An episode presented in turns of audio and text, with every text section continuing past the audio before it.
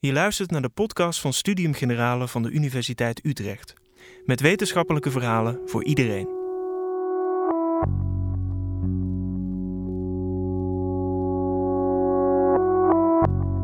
Oorlogen worden steeds meer met digitale wapens gevoerd. Naast DDoS-aanvallen en hacks draait de online strijd vooral om het beïnvloeden van de publieke opinie.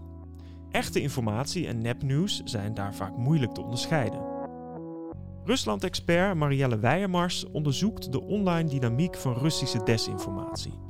Hoe krijgt Russisch nepnieuws grip op ons beeld van de oorlog in Oekraïne? Mijn lezing bestaat uit twee delen. ik ga eerst inderdaad kijken naar wat is de rol van desinformatie in Ruslands oorlog tegen Oekraïne. En in het tweede deel ga ik kijken naar, dit is dus een probleem, maar wat doen we daar dan aan? En specifiek ga ik kijken naar hoe de EU heeft gereageerd en heeft geprobeerd om Russische desinformatie over Oekraïne en het verloop van de oorlog tegen te gaan. En of ze daar wel of niet in geslaagd zijn en wat we daar dan van kunnen leren. Maar ik wil even beginnen met een iets breder perspectief. Want natuurlijk desinformatie, uh, we koppelen dat heel erg aan een zogenaamde online informatieoorlog. Uh, ik ben een beetje ongemakkelijk met die term, aangezien we dan een soort kinetische echte oorlog, waarbij daadwerkelijk slachtoffers vallen, soms gelijkstellen aan wat er online gebeurt, maar niet te min. Maar waar we eigenlijk moeten het beter over kunnen hebben, is de brede impact van digitale technologieën op oorlogsvoering. Zowel als op de manier waarop wij oorlogen waarnemen en daaraan kunnen deelnemen, ook ver vanaf het front. En ook hoe wij oorlogen daarna herinneren. Enkele voorbeelden van het huidige conflict waar we zien dat digitale technologieën op een heleboel verschillende manieren tegelijk, zowel oorlogsvoering als de manier waarop we oorlog uh, beleven, aan het veranderen is. Eerste voorbeeld. Het uh, Oekraïnse leger is in zeer grote mate afhankelijk voor een communicatie van Starlink satelliet-internet.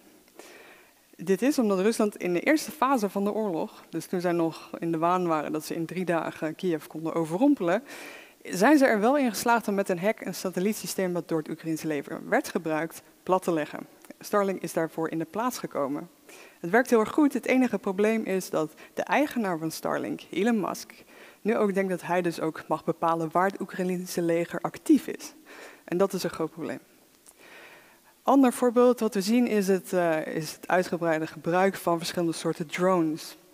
Ook bijvoorbeeld zogenaamde first-person view drones. Het zijn drones waarbij je dan de persoon die hem bestuurt, heeft een virtual reality bril op om nog beter te kunnen coördineren. Maar als we dan een beetje de aandacht verschuiven van het daadwerkelijke militaire strijdtoneel naar meer interacties met burgerbevolking, dan zien we bijvoorbeeld dat het Oekraïnse leger op andere manieren intelligence probeert in te winnen, bijvoorbeeld over de verplaatsingen van Russische legereenheden. Dat kan je doen als Oekraïnse burger via een speciale bot op Telegram. Dus via Russische troepenbewegingen kan je dat doorgeven aan het Oekraïnse leger. Wat we ook zien is een speciale app ontwikkeld als luchtalarm om te zorgen dat Oekraïnse burgers beter op de hoogte zijn wanneer er wederom een Russische raketaanval op komst is. We hebben ook gezien hoe belangrijk het is als de overheid digitaal met de burgers in contact kan staan, zoals in Oekraïne gebeurt via de overheidsapp DIA. Dit bestond al voor de oorlog, maar het gebruik daarvan is verder uitgebreid. Dus bijvoorbeeld dit zorgt ervoor dat Oekraïners die plotseling uh, hebben moeten vluchten of die zich ergens anders bevinden nu, dat ze zich bijvoorbeeld kunnen identificeren, dat ze handelingen kunnen doen met de Oekraïnse overheid. Dat wordt allemaal gefaciliteerd door digitale technologieën. Dus wat je hier ziet in deze uh, voorbeelden, deze zijn wellicht van deze oorlog zijn behoorlijk specifiek, maar tegelijkertijd zijn ze eigenlijk een uitkomst van veel langer lopende trends, waar we zien dat inderdaad oorlogvoering door de komst van digitale technologieën, door dataficering, enorm aan het veranderen is. Bijvoorbeeld, uh, ik moet iets dichterbij staan om het goed te kunnen lezen. Uh, Matthew Ford en Andrew Hoskins uh, hebben een boek uitgebracht, redelijk recent, begin 2022. dus een boek is afgeschreven net voor de oorlog. Het boek heet Radical War. Data Attention Control in the 21st Century. Um, wat zij beargumenteren is dat alles aan de oorlog is veranderd.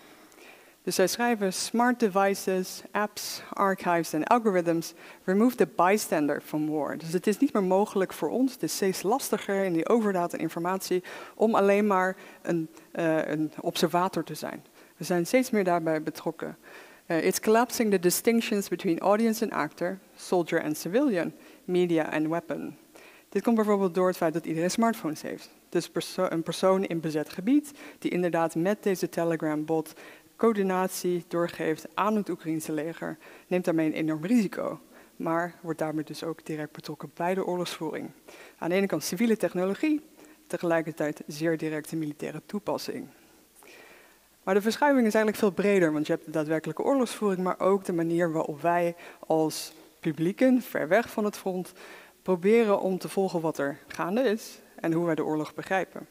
Dus we schrijven dat contemporary war is legitimized, planned, fought, experienced, remembered and forgotten in a continuous and connected way through digitally saturated fields of perception. Dus digitalisering en datificering veranderen alle aspecten van oorlogsvoering en vervagen steeds verder die scheiding tussen aan de ene kant strijders en burgers. Dus hier verschuiven we al een klein beetje van daadwerkelijke front, daadwerkelijke zogenaamde kinetische oorlog, waar daadwerkelijk slachtoffers vallen, naar dat verdere front, dat digitale front. En hierbij moeten we dan wel in oogschouw nemen dat het wel onze moderne informatieomgeving is. En zoals jullie allemaal weten uit je eigen ervaringen daarmee, is dat heel erg divers. Dus iedereen maakt gebruik van verschillende soorten platformen. Je coördineert daarbij wat voor mensen wil je volgen. Maar die platformen die raden je ook dingen aan. En wat jij volgt is heel anders dan wat jouw buurman volgt. Op het moment dat je dat naar mondiale schaal doet, dan vermenigvuldigt dat natuurlijk. En wat het als gevolg heeft, is dat de manier waarop wij naar oorlogen kijken, dus betekent dat wat ik zie, de oorlog die ik zie, die ik tot me krijg via mijn informatiekanalen, fundamenteel anders kan zijn dan wat mijn buurman ziet of mijn buurvrouw ziet. En Olga Boychuk en Andrew Hoskins hebben dit uh, geformuleerd als dat je nu in dit aspect zou kunnen spreken van my war. En dat definiëren zij als warfare that is shaped continuously through personalized and individualized informational feeds, but at incredible scale in terms of the billions of participants across multiple platforms. Want zoals jullie ook weten, het is niet alleen maar dat je zelf op zoek gaat naar informatie, maar er wordt je ook van alles aangeraden. Dus jouw consumptie van informatie is gepersonaliseerd. Als gevolg hiervan kunnen we dus zeggen dat aan de ene kant er een enorme overdaad is aan informatie. We weten wellicht meer van deze lopende oorlog en sneller in real time dan we bij eerdere conflicten hebben gehad. Maar tegelijkertijd kunnen we allemaal een heel ander beeld hebben van diezelfde oorlog. Dus je ziet een versplintering van hoe we daadwerkelijk de oorlog begrijpen. Dus nu zijn we langzaamaan van die veel bredere versmelting tussen aan de ene kant uh, militaire technologieën en civiele toepassingen van technologie. Zijn we toch steeds meer gekomen naar wat is nou eigenlijk die informatieomgeving, hoe werkt die? Maar zoals je ook hebt gemaakt, die versplintering, uh, die manier waarop dingen viral kunnen gaan, dat is natuurlijk precies de omgeving waar desinformatie het heel erg goed kan doen. En Rusland is daar ook zeer bekwaam in. Uh, het is niet de eerste keer dat ze zich hiermee bezighouden. Dit is een probleem dat al veel langer speelt. Op zijn minst 2014 met het begin van de oorlog. Maar ook, zeker als je binnenlands kijkt, spelen deze dingen al veel langer. Wat is het doel daarvan? Wat kun je doen door middel van informatie en desinformatie? Uh, hiermee kun je publieke perceptie beïnvloeden. Dus wat denkt onze regering over deze oorlog, maar ook de brede publieke opinie. Dus wat vinden wij met z'n allen van deze oorlog?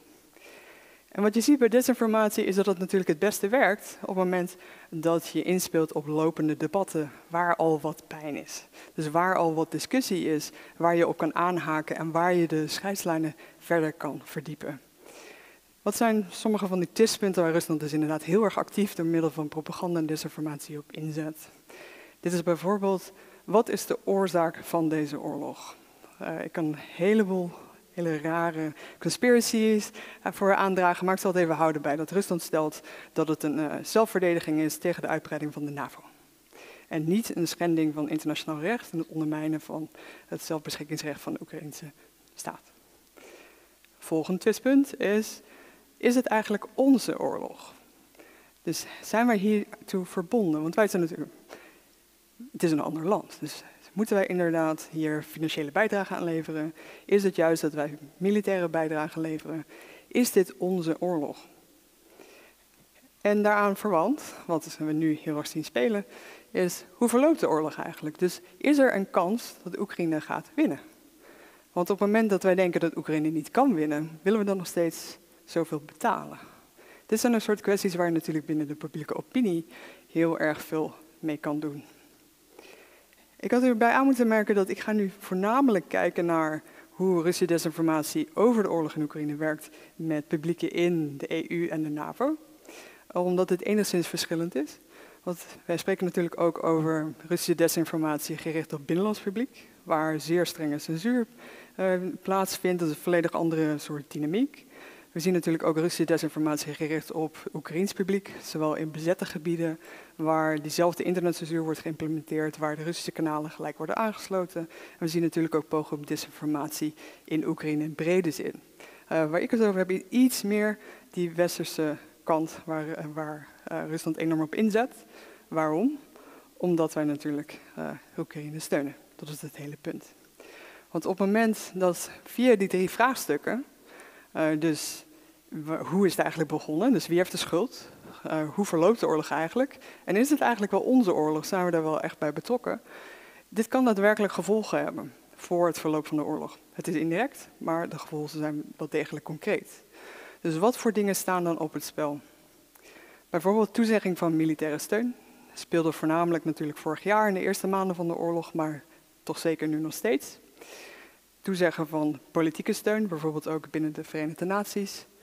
Maar desinformatie is ook relevant voor bijvoorbeeld het functioneren van de Oekraïnse staat. Dus wat Rusland probeert te doen, is het ondermijnen van vertrouwen in de regering. Dus al, we zagen in het begin allemaal desinformatie, uh, dat Zelensky het land ontvlucht zou zijn, al dat soort dingen. Dus het ondermijnen van sociale cohesie en vertrouwen in de Oekraïnse staat. Wat ook op het spel staat, is het succes van bijvoorbeeld crowdfunding, wat we heel veel zien gebeuren. Dus Oekraïners, ook internationaal in de diaspora, die proberen om fondsen in te zamelen, zowel voor het Oekraïnse leger, maar ook voor heel veel humanitaire doeleinden. Hier kan je natuurlijk met desinformatie ook een heleboel dingen doen om het vertrouwen daarin ook te ondermijnen. En natuurlijk minstens zo belangrijk, uh, wat staat op het spel? Uh, de bereidheid om Oekraïnse vluchtelingen op te vangen en te blijven ondersteunen. Dus het is indirect, maar niettemin zijn het zeker uh, erg concrete zaken. Ik heb tot nu toe voornamelijk gehad over desinformatie, maar dat is eigenlijk een iets te specifieke term. Er is maar één soort informatie, dus waarbij we inderdaad kunnen hebben over wat we eerder noemden nepnieuws. Uh, dus dingen die daadwerkelijk feitelijk onjuist zijn, maar ook met, verspreid worden met de bedoeling om te misleiden. Dan spreken we over desinformatie. Maar wat Rusland doet, is al die strategieën is eigenlijk veel breder. Het zijn een heleboel verschillende strategieën.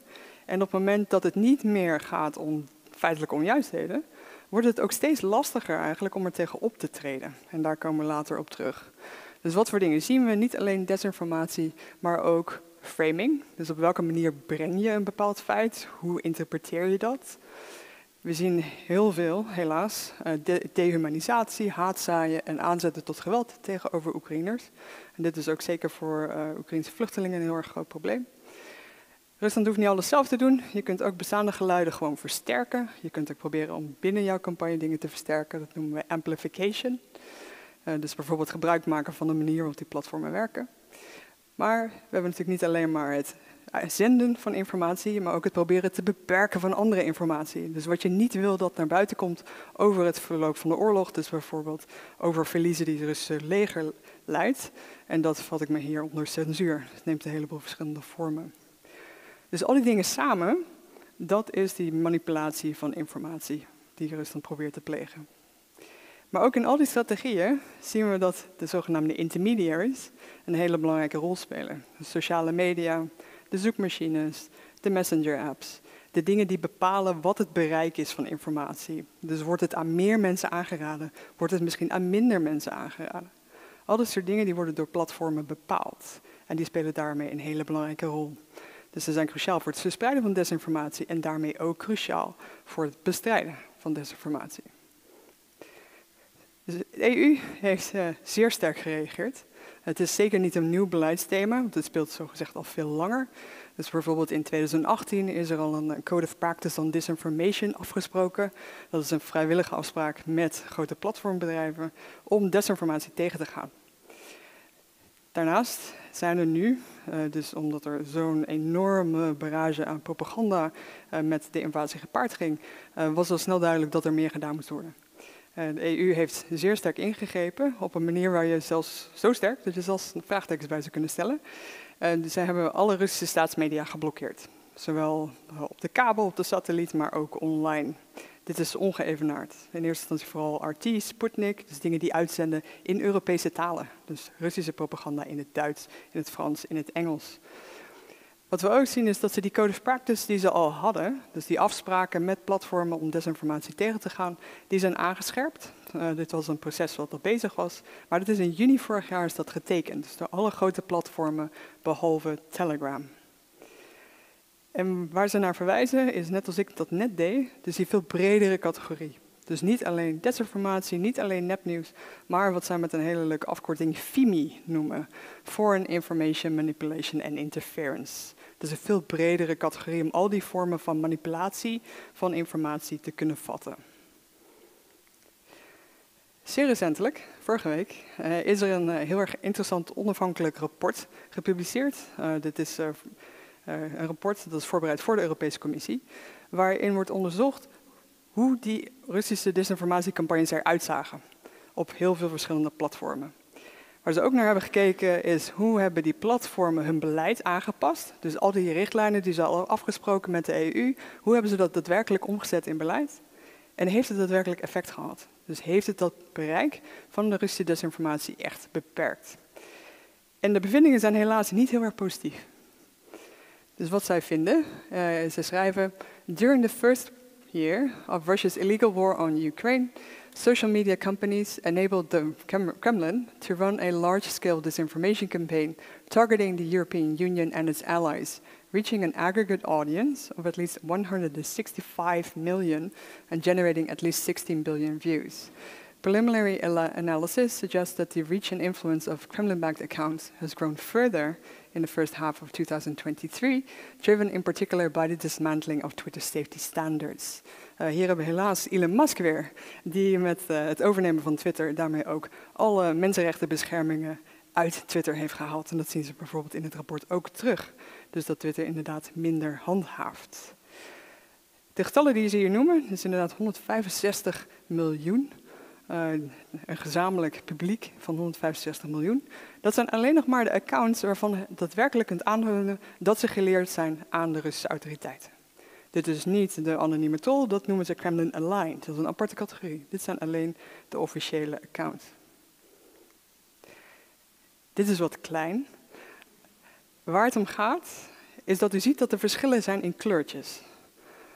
Want wat u ziet is, uh, bovenin hebben we de verschillende platformen. En van boven naar beneden hebben we verschillende soorten accounts. En dan kunnen we zien wat voor maatregelen voor het eh, tegengaan van desinformatie wel en niet zijn genomen. En dat die inderdaad verschillend zijn voor de verschillende platformen. Helemaal bovenaan, dus waar het allemaal groen is, dat zijn de Russische staatsmedia. Dus dingen als uh, RT en het Duits en dat soort accounts, die dus uh, onder sanctie zijn gekomen van de Europese Unie die de Europese Unie helemaal heeft geblokkeerd. We zien dat al die platformen, dus we hebben Meta, dus Instagram en Facebook, we hebben Twitter, we hebben YouTube, uh, TikTok en Telegram, die hebben allemaal deze accounts geblokkeerd in de Europese Unie. Dan de rij daaronder, dan zien we wat er is gebeurd buiten de Europese Unie en dan verandert alles heel erg snel. Dus buiten de Europese Unie heeft alleen YouTube daar een beperking op gelegd, wat op zich ook vreemd is, aangezien ze dus een regel van de Europese Unie mondiaal toepassen. Dat is een losse kwestie. Uh, de andere platformen niet. Die labelen bijvoorbeeld, dus dat ze erbij zetten, dus een Russische uh, of door de staat gefinancierde account. Of ze demoten dus ze maken het minder zichtbaar op hun platform. Maar wat belangrijk is, is dat, wat er daaronder gebeurt. Dus wat er daaronder gebeuren, sorry, gebeuren, is dat ze eigenlijk niks doen. En dat gaat over officiële overheidsaccounts. Dus bijvoorbeeld de account van het Russische ministerie van Buitenlandse Zaken, account van Dmitri Medvedev, voormalig president, account van alle Russische ambassades wereldwijd. Deze staan niet onder beperkingen.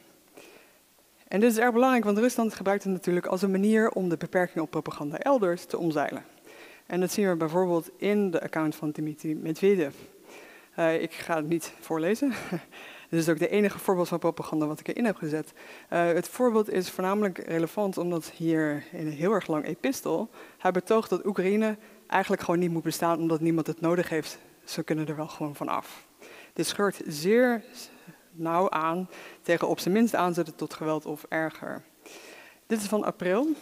En dit is ook een van de specifieke tweets waarvan Elon Musk heeft gezegd: Ik zie er geen problemen mee, dat mag gewoon online blijven.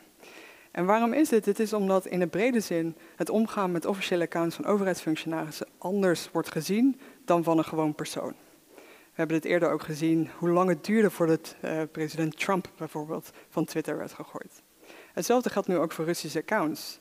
En dat is heel problematisch aangezien ze daadwerkelijk hele erge dingen zeggen. Dus de functie die Russische staatsmedia eerder hadden op die platform wordt nu overgenomen door al deze officiële Kremlin-accounts. In het rapport wordt het zelfs gekwantificeerd. Uh, dus hier zien we eerst het blauwe lijntje. Dat zijn de Russische staatsmedia. We zien dat in één keer gaat het blauwe lijntje heel erg omlaag. Dat zijn alle maatregelen die zijn opgelegd door de Europese Unie. Maar wat zien we daarna omhoog gaan? Het, aan, het bereik, het publiek van al die officiële uh, overheidsfunctionarissen die de rol van propagandaverspreiding gewoon overnemen en niet worden beteugeld. Dit is nog één voorbeeld van de vele manieren waarop je ziet dat Russische propaganda op het moment dat ze aan de ene kant worden beperkt, aan de andere kant weer mogelijkheid vinden om op een andere manier toch weer uh, hetzelfde soort bereik te realiseren. concluderend, uh, ik, ik, had nog vele uren door kunnen praten, maar gelukkig hebben we nog een discussie. Concluderend, um, Rusland zet al vele jaren, maar nu uh, nog heviger dan hiervoor, desinformatie en andere vormen van online beïnvloeding en manipulatie in als een integraal onderdeel van bredere oorlogsvoering. Je ziet ook vaak dat hoe slechter het gaat aan het front, hoe agressiever de propagandacampagnes worden. Platformen spelen een belangrijke rol in het verspreiden van dit soort informatie, het verspreiden van desinformatie en daarmee ook in de bestrijding ervan. Maar wat we hebben gezien op basis van dit rapport is dat de implementatie van de Europese sancties, dus de beperking van Russische staatsmedia, maar ook die meer uh, vrijwillige afspraken, die Code of Practice, die afspraken tussen de EU en platformbedrijven, dat de implementatie daarvan heel erg onvolledig is. En ook gewoon ontoereikend. Het is niet helemaal berekend op zo'n agressieve campagne door een staatsactor. Die verschillen die we zagen, dus dat het ene platform anders implementeert dan de andere, maakt het ook mogelijk voor Rusland om gewoon te omzeilen. Dus als je niks meer mag delen, geen uh, content van, van RT mag delen op Twitter, dan deel je gewoon een linkje naar Telegram of iets dergelijks. Het is heel makkelijk om via die platformen te schuiven. En als we dan naar de toekomst kijken, dan zijn er twee dingen waar we naar moeten kijken. De eerste is dat het zeer waarschijnlijk is dat de vorm van desinformatie en ook de manier waarop daadwerkelijk dit soort operaties worden gevoerd, dat daar veranderingen in komen door de komst van AI. Dus je kan AI inzetten om een volledige campagne te ontwerpen, uit te voeren en dergelijke. Je kan het helemaal laten doen. Tegelijkertijd zien we ook aan de EU-kant uh, zien we een grote stap voorwaarts uh, met de Digital Services Act, die net van, is, uh, van kracht is geworden, die veel zwaardere verplichtingen oplegt aan platformen en ook niet meer vrijwillig is. Dus het is niet meer self-regulation, maar dit is daadwerkelijk door de EU opgelegd. We moeten nog gaan zien wat dat betekent in de praktijk, maar tegelijkertijd al wel met de kanttekening dat de impact sowieso beperkt is tot de grenzen van de EU. Maar helaas, Russische desinformatie toch veel verder reikt dan dat. Dank u wel. Je hoorde een aflevering van de podcast van Studium Generale. Benieuwd naar meer afleveringen? Ga naar sg.uu.nl/podcast of abonneer je op je favoriete platform.